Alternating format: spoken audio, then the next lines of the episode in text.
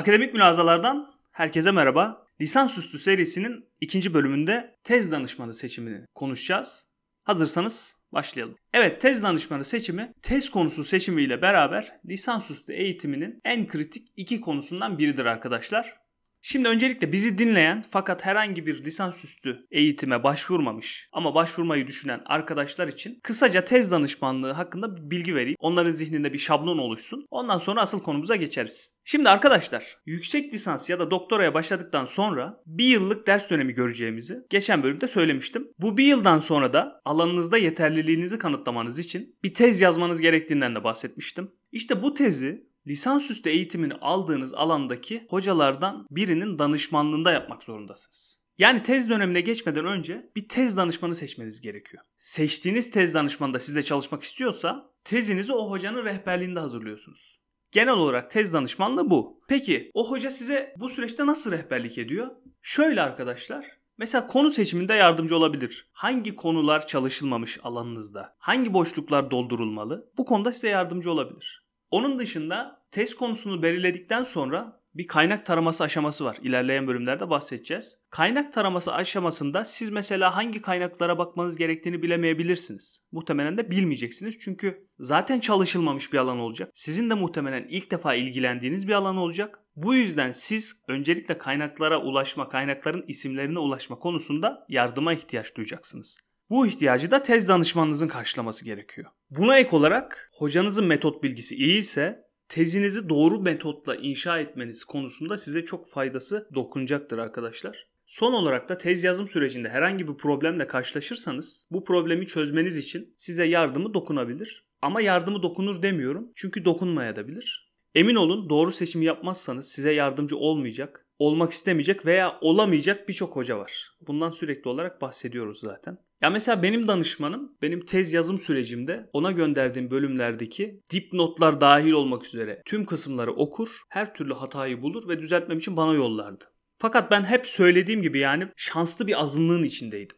Kimi danışmanlar arkadaşlar tez öğrencisinin yazdığı tezi bile okumaz. Yani savunmaya girersiniz. Siz savunurken hocanın size yardımcı olabileceği bir bilgisi bile yoktur çünkü tezinizi okumamıştır. Böyle bir hocayla çalışmak ister misiniz? İstemiyorsanız bu bahsettiğim kalitesiz akademisyenlerin sizin karşınıza çıkma ihtimalinin bu kadar yüksek olduğu bir ortamda iyi danışmanlarla nasıl bilimsel çalışma yapacağını bilen, iletişimi ve insani yönü bu çok önemli, kuvvetli olan, iş disiplinine ve birlikte çalışma kültürüne sahip olan ve bunu önemseyen biriyle çalışmak istiyorsanız size bir iki tavsiye vermek istiyorum.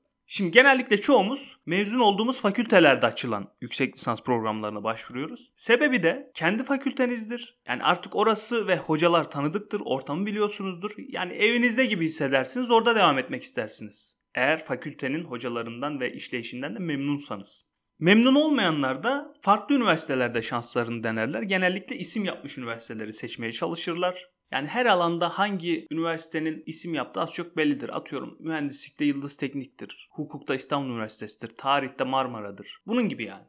Kendi okulundan memnun olmayan öğrenciler bu tarz üniversitelere başvururlar. Şimdi eğer siz herhangi bir üniversiteye başvurmadıysanız size hem üniversite seçimini hem de tez danışmanı seçimini birlikte yapacağınız bir yöntemden bahsetmek istiyorum. Size tavsiyem arkadaşlar. Önce danışmanınızı belirleyin. Sonra o danışmanınızın çalıştığı okula yüksek lisans için başvurun ya böyle saçma şey mi olur bunu nasıl yapalım dediğinizi duyar gibiyim. Ama saçma değil arkadaşlar. Neden? Çünkü söylediğim gibi bu ülkede iyi bir danışmanda olması gereken özellikleri karşılayabilen çok az hoca var. Siz şimdi kendi üniversitenize veya isim yapmış başka bir üniversiteye başvurduğunuzda çok iyi bir seçim yapmış olduğunuzu düşüneceksiniz. Fakat içinde nitelikli hocalar yoksa üniversitenin isminin hiçbir anlamı yok. Ya böyle bir durumda aldığınız eğitim size hiçbir şey katmayacak. O yüzden iyi hocalarla çalışmak iyi olduğu düşünülen üniversitede çalışmaktan çok daha iyidir. Ya bizim birçok iyi sandığımız köklü üniversitenin içi geçmiş durumdadır. Bunu söyleyeyim yani. Bu yüzden sizin yapmanız gereken ilk olarak birlikte hangi hocayla çalışabilirsiniz, hangisiyle çalışmak istersiniz bunu belirlemek. Nasıl yapacaksınız bunu? Araştıracaksınız arkadaşlar. Yüksek lisans yapmak istediğiniz alanlarda sizin ulaşım ve maddi imkanlarınıza göre de başvurabileceğiniz okullardaki hocalara tek tek bakacaksınız. İsimlerini araştıracaksınız. O hocaların yaptıkları yayınlara ve o yayınların kalitelerine bakacaksınız.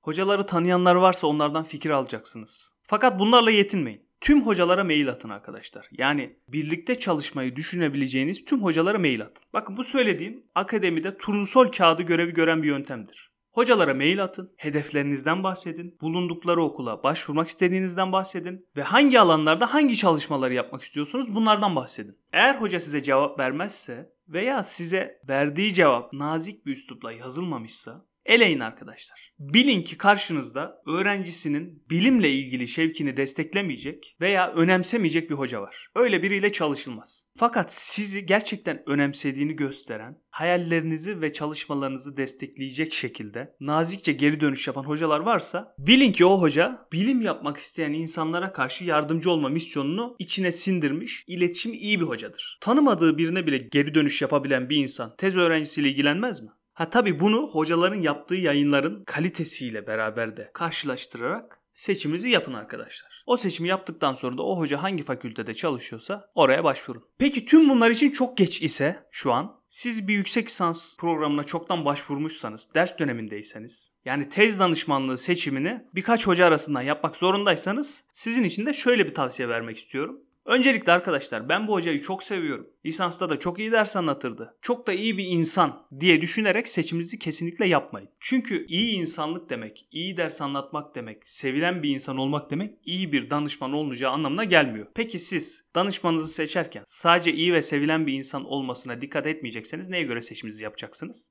Dediğim gibi ilk olarak hocanın bilimsel araştırma konusundaki yetkinliğini anlamak için yayınlarını araştıracaksınız. Yani bunu bağlı bulunduğunuz fakültenin hocaları için de yapmak zorundasınız. Ya gidip saçma sapan uyduruk makaleler, kitaplar yazmış bir hocayı seçmeyin arkadaşlar. Vardı bizim bölümde mesela herkesin çok sevdiği, saydığı bir hoca. Ama Osmanlı tarihi kitaplarında böyle metiyelerden, menkıbelerden, şiirlerden falan bahsederdi. Hiçbir şekilde bilimsel araştırmayla işi olmayan bir adamdı. Öyle biriyle çalışılmaz mesela. Yani hocanın nitelikli yayın yapan birisi olmasına dikkat etmeniz gerekiyor. Bunun dışında arkadaşlar hocanın danışmanlık sürecinde size nasıl yaklaşacağı hakkında bilgi sahibi olmak için de hocayla birlikte daha önceden çalışmış olan öğrencilerle konuşmanız gerekiyor. Yani tez konusu seçiminde size özgürlük sağlar mı mesela? Bazı hocalar sağlamıyor. Al şu konuyu çalış diyor. Ama bunun böyle olmaması gerekiyor. Sizin çalışmak istediğiniz hocanın bu konudaki tavrı ne? Bunu öğrenciye sorun. Bunun dışında mesajlarınıza, maillerinize, aramanıza dönüş yapıyor mu? Yardımcı olmaya çalışıyor mu? Alan bilgisi nasıl?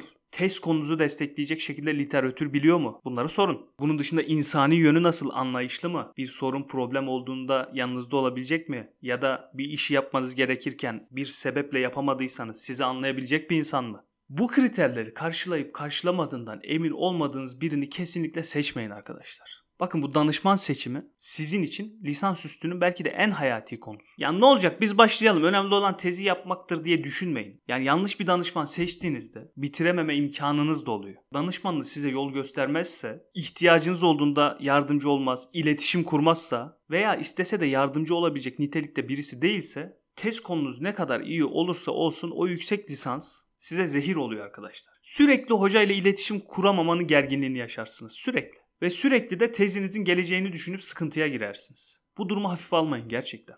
Yani bir konu hakkında yardım almak istediğinizde ulaşamayacağınız veya sizi önemsemeyen biriyle çalışmakla istediğiniz her an sizinle rahat bir şekilde iletişim kuran, size alan tanıyan ve kendinizi açıklamanıza izin veren bir hoca ile çalışmak çok çok farklı arkadaşlar. İyi bir danışman seçememiş olmak sebebiyle birçok arkadaşımız yüksek lisansa başladıktan sonra en baştaki akademik heyecanını kaybediyor bir kere ve tezini tamamlayamayacak noktaya geliyor veya tamamlayamıyor. Veya yolun başında ya da ortasında danışman değiştirmeye çalışıyor. Yani bunun da sıkıntısı büyük. Arkadaşlar siz düşünün bir test konusu belirlemişsiniz. Bir danışmanla biraz yol almışsınız zor da olsa. Ama tam ortasında sıfırdan başlamak zorunda kalıyorsunuz ve bu çok yorucu bir şey. Ya şunu da demeyin yani. Ya kardeşim insan danışmanlığını yaptığı öğrenciyi önemsemez mi demeyin. Gerçekten önemsemeyen çok hoca var arkadaşlar. Size hatalarınızı göstermeyecek veya zaten o hataları anlayabilecek kalibreye sahip olmayan, iletişim kurulamayan çok çok fazla hoca var. Bunu etrafınızda lisansüstü yapan öğrencilerden teyit edebilirsiniz. Ve maalesef bu insanlar kaç bölümdür anlattığım üzere fakülteleri işgal etmeye devam ediyorlar. Ve kaliteli işini gerçekten iyi yapan hocalara nispetle de sayıları çok fazla olduğu için bunlardan bir tanesinin sizin karşınıza çıkma ihtimali de çok yüksek. Bu ihtimali azaltmak istiyorsanız eğer çok ama çok dikkatli olmalısınız ve işinizi şansa bırakmamalısınız. Evet bu konuyla ilgili diyeceklerim şimdilik bu kadar. Umarım bu bölümde konuştuğumuz detaylar ve benim size verdiğim tavsiyeler sizin için faydalı olabilir. Gelecek bölümde görüşmek üzere.